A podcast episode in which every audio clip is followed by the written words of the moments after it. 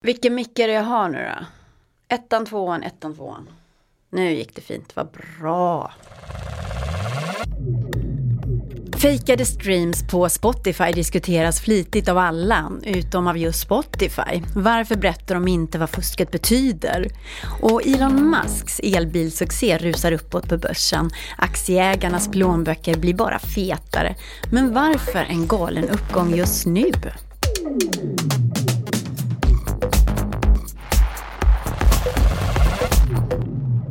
Direkt från poddbåset, jag heter Katarina Andersson och det här är Breakits podcast.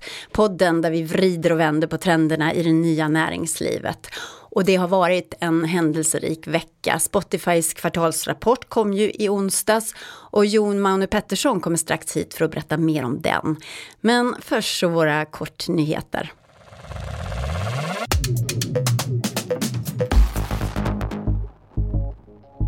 I veckan lämnade finansmarknadsminister Per Bolund in ett nytt lagförslag som har retat gallfeber på Klarna. Bolund vill förbjuda att faktura ska kunna presenteras före alla andra betalningssätt när vi nätshoppar. Det här för att förhindra att konsumenter handlar på kredit av misstag. Och Klarna som har som affärsidé att erbjuda kunderna just digital faktura är rejält irriterade. Ett försök att tala om för medborgarna vad som är bra för dem skrev kommunikationschefen Ifa Hulihan när hon först hörde talas om lagförslaget. Lagen kan börja gälla redan i sommar. Elskoterbolaget Voi jublade säkert när de lyckades kamma hem ett kontrakt som innebar att de skulle leverera cyklar till Stockholms stad. Kontraktet uppges nämligen vara värt 400 miljoner kronor. Men lyckan blev kortvarig. Upphandlingen överklagades av Vois spanska konkurrent Marfina som fick rätt. En dom slår nu fast att upphandlingen var felaktig och den kommer inte att göras om. Så surt för Voi alltså. Startupen TipTap har i veckan fått en ganska ny oväntad konkurrent på halsen. Stockholms kommun kliver nämligen in och börjar slåss om samma kunder. TipTaps tjänster går ju ut på att användarna ska få hjälp att hämta bland annat skräp som ska till återvinningen. De som hämtar är privatpersoner som vill tjäna en extra slant. Men i oktober för två år sedan förbjöds appen i Stockholm eftersom stan menar att den var olaglig. Beslutet har överklagats och än så länge så får TipTap fortsätta i Stockholm. Men nu har det alltså kommit fram att det kommunala bolaget Stockholm Vatten och Avfall har lanserat en egen tjänst där kunderna kan beställa hämtning av skrymmande saker som ska till återvinningsstationen. En kommunal TipTap-konkurrent alltså. Har du jobbat med de här nya mickarna? Nej. Nej, känns det bra? Vad skönt att komma in här, lite lugn och ro äntligen. I veckan släppte Spotify sin kvartalsrapport som visar att bolaget i vanlig ordning växer snabbt men blöder en massa pengar. Daniel Ek pratar mycket om bolagets stora satsningar på poddar. Det kommer vara en väldigt viktig del av Spotifys framtid sa han bland annat. Men samtidigt så fanns det något som Spotify valde att inte prata om och det är den stora debatten om fejkade streams. I Sverige har problemet uppmärksammats på bred front sedan julas, men Spotify har mer eller mindre lagt locket på. Det menar Jon Maune Pettersson, redaktionschef här på Breakit. Välkommen hit Jon! Hallå, hallå! Du, eh, först och främst, köpta streams. Kan du ge oss en förklaring på vad det är? Nej, men det handlar egentligen om att man via massa olika sajter på nätet kan betala pengar för att få lyssningar på Spotify. Eh, kort och gott. Det är, du betalar pengar och så helt plötsligt får din låt mycket fler lyssningar. Men hur vet man då att de här streamsen är köpta? Finns det belägg för det? Nej men det vet man ju inte riktigt, utan det är liksom, det här började ju som att ett rykte i branschen, att fler och fler började prata om det, man började misstänka att vissa artister kanske hade köpt streams, att de fick väldigt mycket lyssningar på väldigt kort tid, liksom lite oförklarligt nästan. Uh, men det finns, Spotify har själva liksom inte riktigt pratat om det här eller bekräftat i någon större omfattning att det finns, utan de lägger mest locket på. Och ingen vet riktigt, men det man vet är att det går att göra det här. Och det väcker väldigt många frågor som man inte riktigt får svar på och det bidrar till ännu fler frågor och ännu mer debatt.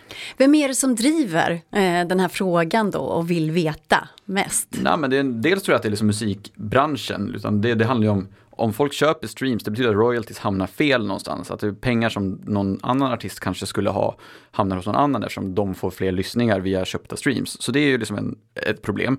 Ett annat problem är såklart att om du ska boka artister till din klubb och sånt där, då tittar du säkert på Spotify streams, att det blir liksom skevt där, att helt plötsligt kan någon se jättestor ut som inte är stor. Uh, och sen är det också, om man tänker liksom till Grammisgalan idag tror jag. Mm. Uh, då... Ikväll, vi spelar in det här på torsdag eftermiddag. Ja, just exakt. exakt. Just det. Nej men Grammisgalan, där delar man ut priset, årets låt, det tror jag man gör tillsammans med liksom Spotify, har jag för mig, att man kollar på streamingsiffror och sådär. Och, och där också, liksom, vad, vad, vad händer ifall det finns en risk att vissa artister som är nominerade till priser kanske liksom har fuskat sig dit. Liksom. Mm. Och, och, det vet vi inte, det kanske inte är så stort problem. Men vissa hävdar att det är ett stort problem, andra hävdar att det inte är så stort problem. Så det... ja. Men P3 tyckte det och la ner sin digilista en vecka i alla fall mm. för att man inte litade på det här. Så det får ju genomslag. Absolut, och det tycker jag det ska få också. Någonstans, det är ju det blir, på Spotify finns det oerhört mycket musik och kan man fuska sig för att nå ut genom bruset och hamna på en spellista då helt plötsligt kanske det är låtar som inte är de bästa låtarna som hamnar där. Och, ja, det är inte världens största problem, liksom, samhället kommer ju klara sig ändå liksom, även om de köper lite streams men det, det finns ändå någonting som skaver lite. Mm. Och en artist som har höjt den här frågan mm. på ett ganska aggressivt sätt är ju Mange Schmidt. Berätta lite om honom. Ja, Mange Schmidt han är ju en gammal rappare, eh, jag vet inte hur aktuell han är idag, men han gjorde som så att han eh, gick in på en av de här sajterna och bara testade vad som händer om man köper streams. För han har ju massa liksom, olika låtar, så han valde ut en av sina låtar och eh, slussade in några tusen tror jag det var. Och sen, sen började streamsen komma och ticka in liksom. Och han visade ju egentligen mest det som folk har pratat om, att hur lätt det faktiskt är. Så han gjorde lite grävjournalistik kan man säga, liksom bara ja, visade att det faktiskt går. Och det var väldigt kul och han sände på Instagram och visade hur det gick till och sådär. Mm. Så han satte verkligen fingret på liksom hur lätt det egentligen är. Så det finns belägg för att det kan fungera på det här sättet och då måste ju också investerarna bli oroliga som känner att hela Spotify kanske är dopat då? Det tycker jag att de borde vara oroliga i alla fall. Sen uh, som sagt, det är svårt att veta hur stort problemet är. Det kanske är ett pytteproblem. Det, det vet vi inte. Men Spotify... vad tror man då? Nej men det är lite olika. Jag läste i någon amerikansk tidning, någon skivbolagsboss som hade hört att liksom ett par procent av liksom alla streams var liksom fake streams och då är det ju plötsligt väldigt stora pengar royalties som hamnar fel. Andra människor i branschen här menar snarare att det här, är liksom, det här problemet har alltid funnits men bara att det, nu börjar man prata om det.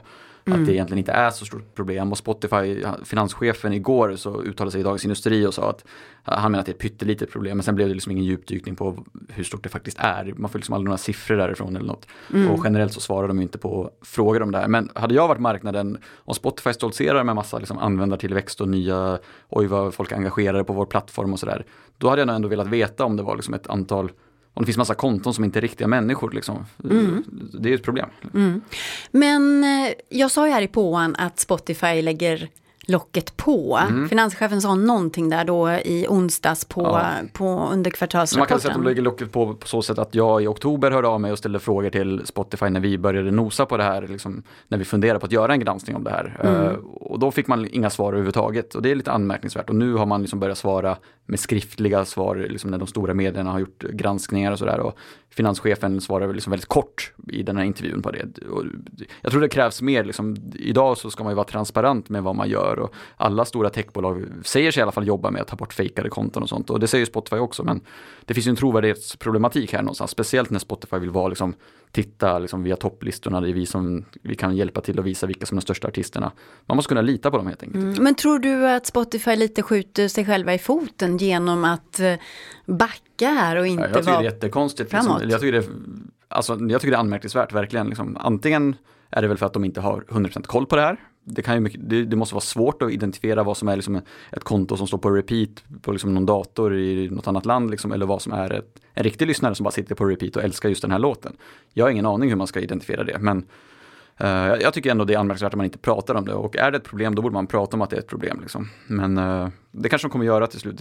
Min gissning är att det kommer bli något, något fint reportage i någon tidning, du vet, där man bara visar upp hur aktivt de jobbar med det här. Och liksom, mm. Det kommer säkert en väldigt genomtänkt kommunikation snart. Liksom. Men jag får en liten flashback till mycket annat som händer i techvärlden. Alltså mm. när Facebook till exempel drabbas av problem mm. så har man ju agerat på sätt som nu i efterhand eh, verkar helt galna nästan när, när eh, Zuckerberg står och säger så här, men det finns ingenting som visar att, mm. att Facebook skulle kunna vara en del i att att eh, ha en påverkan i amerikanska valet. Mm. Och sen kommer undersökningar som faktiskt visar att så är fallet. Mm. Och då tvingas man ju ut på banan och kommunicera och prata och nu gör man ju det för full hals på Facebook till exempel. Mm. Och jag tror verkligen Spotify borde, de hade gynnats av att göra det. Det handlar om trovärdighet och då måste man faktiskt börja prata om det här. Mm. Men Spotify har också en, en profil av att vi älskar musik, Mm. vi älskar artister och så vidare. Och då tänker jag att här finns ju en och annan sur artist då Mm. som inte gillar det här. Så tror du att de kommunicerar med artisterna för sig så att säga? Vet du någonting om det? Jag kan absolut tänka mig att det kommuniceras med liksom skivbolagen och så. Eh,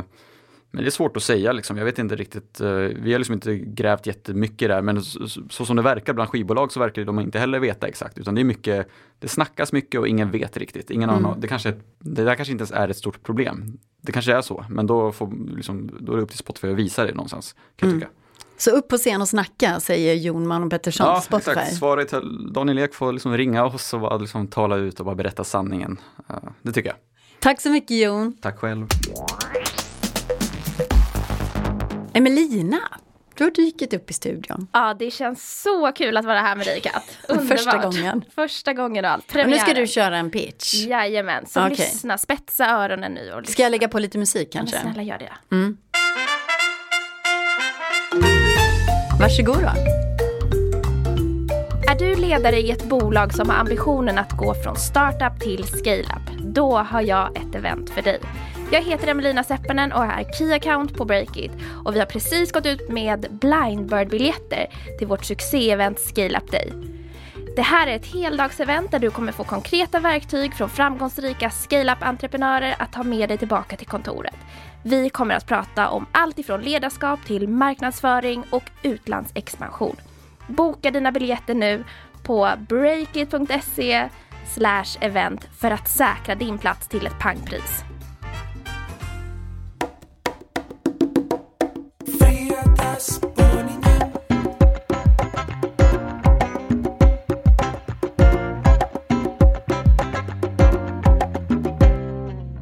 Aktien har först dubblats i år i rasande takt och sen fallit tillbaka snabbt igen. Vad är det egentligen som händer i Tesla? Till vår hjälp för att reda ut det här så har vi Breakits grundare Olle Aronsson. Ja, vad är det egentligen som händer Olle? Det är mycket som händer. Ja. Om man ska summera det i ett ord. Eh, Men om det ska bli något mer omfattande så eh, det, det känns nästan svårt att droppa siffror, eller hur? Det är poddarens förbannelse. Det, det, Det kan hända något till imorgon. Jaha. Exakt, precis. När den här podden publiceras kan ju allt ha förändrats då. Men om vi drar det som vi vet har hänt i alla fall. eh, så är det att först har ju Teslas aktie eh, gått upp med över 100% sedan årsskiftet. Och det är ju enormt för ett bolag som redan innan var värt över eh, 50 miljarder dollar. Eh, nu senast jag kollade var den värt eh, hela bolaget 132 eh, miljarder dollar. Och det är ju liksom det är en enorm värdeförändring för att vara ett så stort bolag. Det är väldigt många förmögenheter som har, har skiftat i, i värde där på ett betydligt sätt. Ehm, så det är stort. Mm, sen har aktien fallit tillbaks lite grann. Den går lite som en jojo kan man säga. Men det, det konkreta som har hänt egentligen, det är att eh, Tesla har släppt en väldigt bra rapport helt enkelt. Klart bättre vinst än väntat, eh, bättre tillväxtutsikter än väntat och ingen verkar riktigt bry sig det här om att eh, Elon Musk tidigare inte riktigt har levererat på sina tillväxtutsikter, om man ska vara lite spetsig. Ja, Elon Musk han är väl känd för att lova saker som han inte håller. Som till exempel deadlines för nya bilmodeller eller när vi ska kunna åka till Mars. För Ja, två år sedan och sa det- att vi skulle åka till Mars i år. Jag vet inte om det kommer hända. Det vore coolt om han lyckas med det. Ja, men det är väl klassiskt sådär. Han, men det, det mest typiska är det här med produktionsmålet för Tesla, med hur många bilar de ska göra. Det har de ju liksom eh, gjort en jätteaggressiv prognos på och sen inte riktigt uppnått det när det blivit försenat. Det har hänt jättemånga gånger, så att där har de ju egentligen inte så hög trovärdighet. Men det är klart, vinster är vinster och den var mycket bättre än väntat. Men nu har de alltså presenterat den här vinsten som du säger. Och eh, då är det väl ändå galet, tänker jag, att aktien kan dubblas på grund av en uppgång sedan årsskiftet. Exakt, precis. På grund av bara den här vinstuppgången så är det, Ja. ju, det är ju tokigt att aktien ska liksom dubblas på grund av det. Det var inte direkt så att eh, vinsten eh, dubblades. Nej, men om man ska ge hela bilden då istället så eh, i grund och botten så är Tesla ganska intressant ur ett aktieperspektiv. För det måste ju vara världens mest omdebatterade börsbolag. Um, Hur menar du då? Nej men det är ju bara något år sedan som vi hade det här knarkbudet när Elon Musk twittrade ut att han hade eh, säkrat finansiering för att köpa ut Tesla till kursen eh, 420 dollar. Och 420 det är ju en, em, en cannabis-term för att man träffades klockan 4.20 och, och rökte på. Och, och ehm, Alltså Elon Musk är en person som folk tycker antingen är ett geni eller en bedragare vad gäller aktien. Ehm, Men just för det här så fick han ju en smäll på fingrarna Mm. av amerikanska finansinspektionen, eller hur? Ja, precis. Han tvingades, eh, han tvingades ta ett steg tillbaka då, men i, i praktiken är det ändå han som, som kör. Nu verkar alla ha glömt det där, det är lite det jag menar. Men vad gäller själva aktien då, så den är ju extremt svängig och jojo-aktig hela tiden. Och det här är ju ett tecken på att folk har väldigt olika åsikter helt enkelt. Marknaden är liksom inte överens om vad det ska eh, värderas till, utan eh, en del tror att Tesla kommer erövra världen och andra menar att det liksom är ett stort luftslott. Så det är väldigt eh, polariserat kan man säga.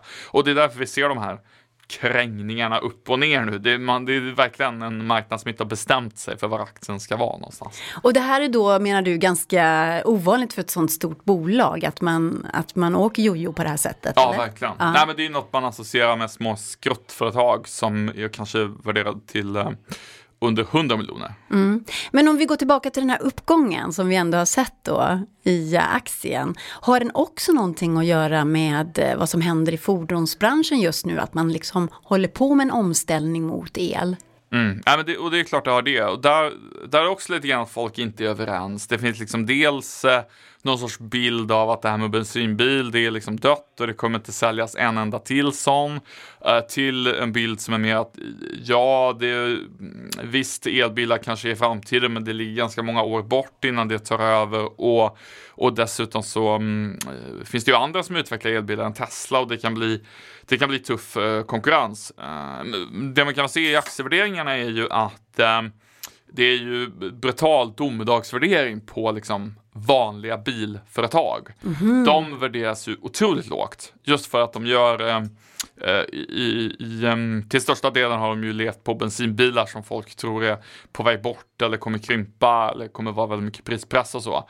Eh, så att eh, Tesla sticker ju liksom ut väldigt mycket, ännu mer eh, jämfört med just andra fordonstillverkare.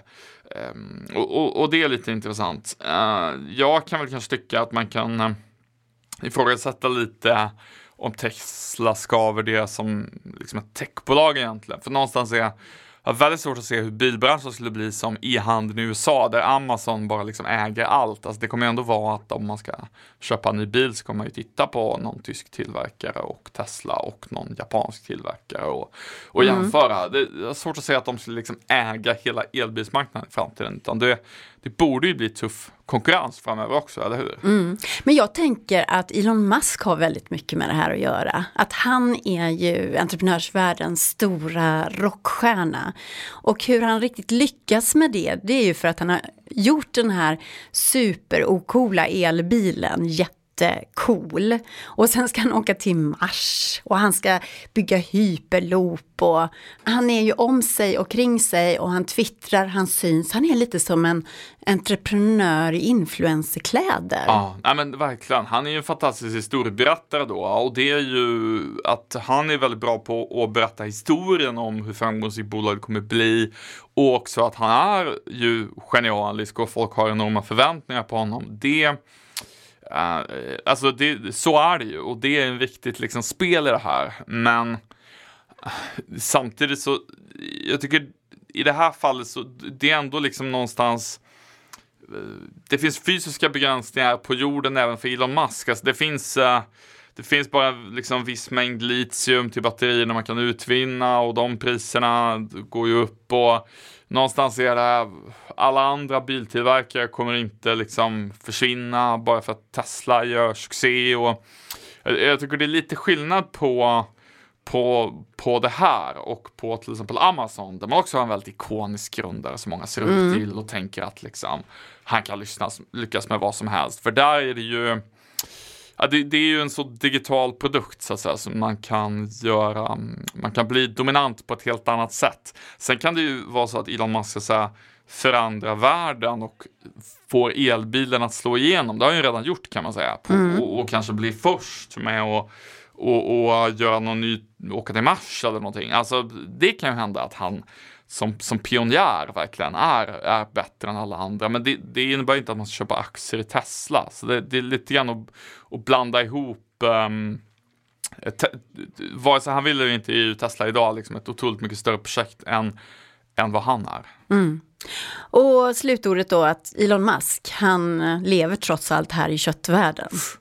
Exakt, precis. Han har ännu inte kopplat upp sig mot någon sån här eh, ny digital eh, neuromancer-värld där han kan eh, liksom, eh, skapa ett nytt universum och, och, forma det. Utan eh, än så länge måste han liksom vi andra vandra, vandra här på jorden i sin vanliga kropp med de begränsningar som det tillför.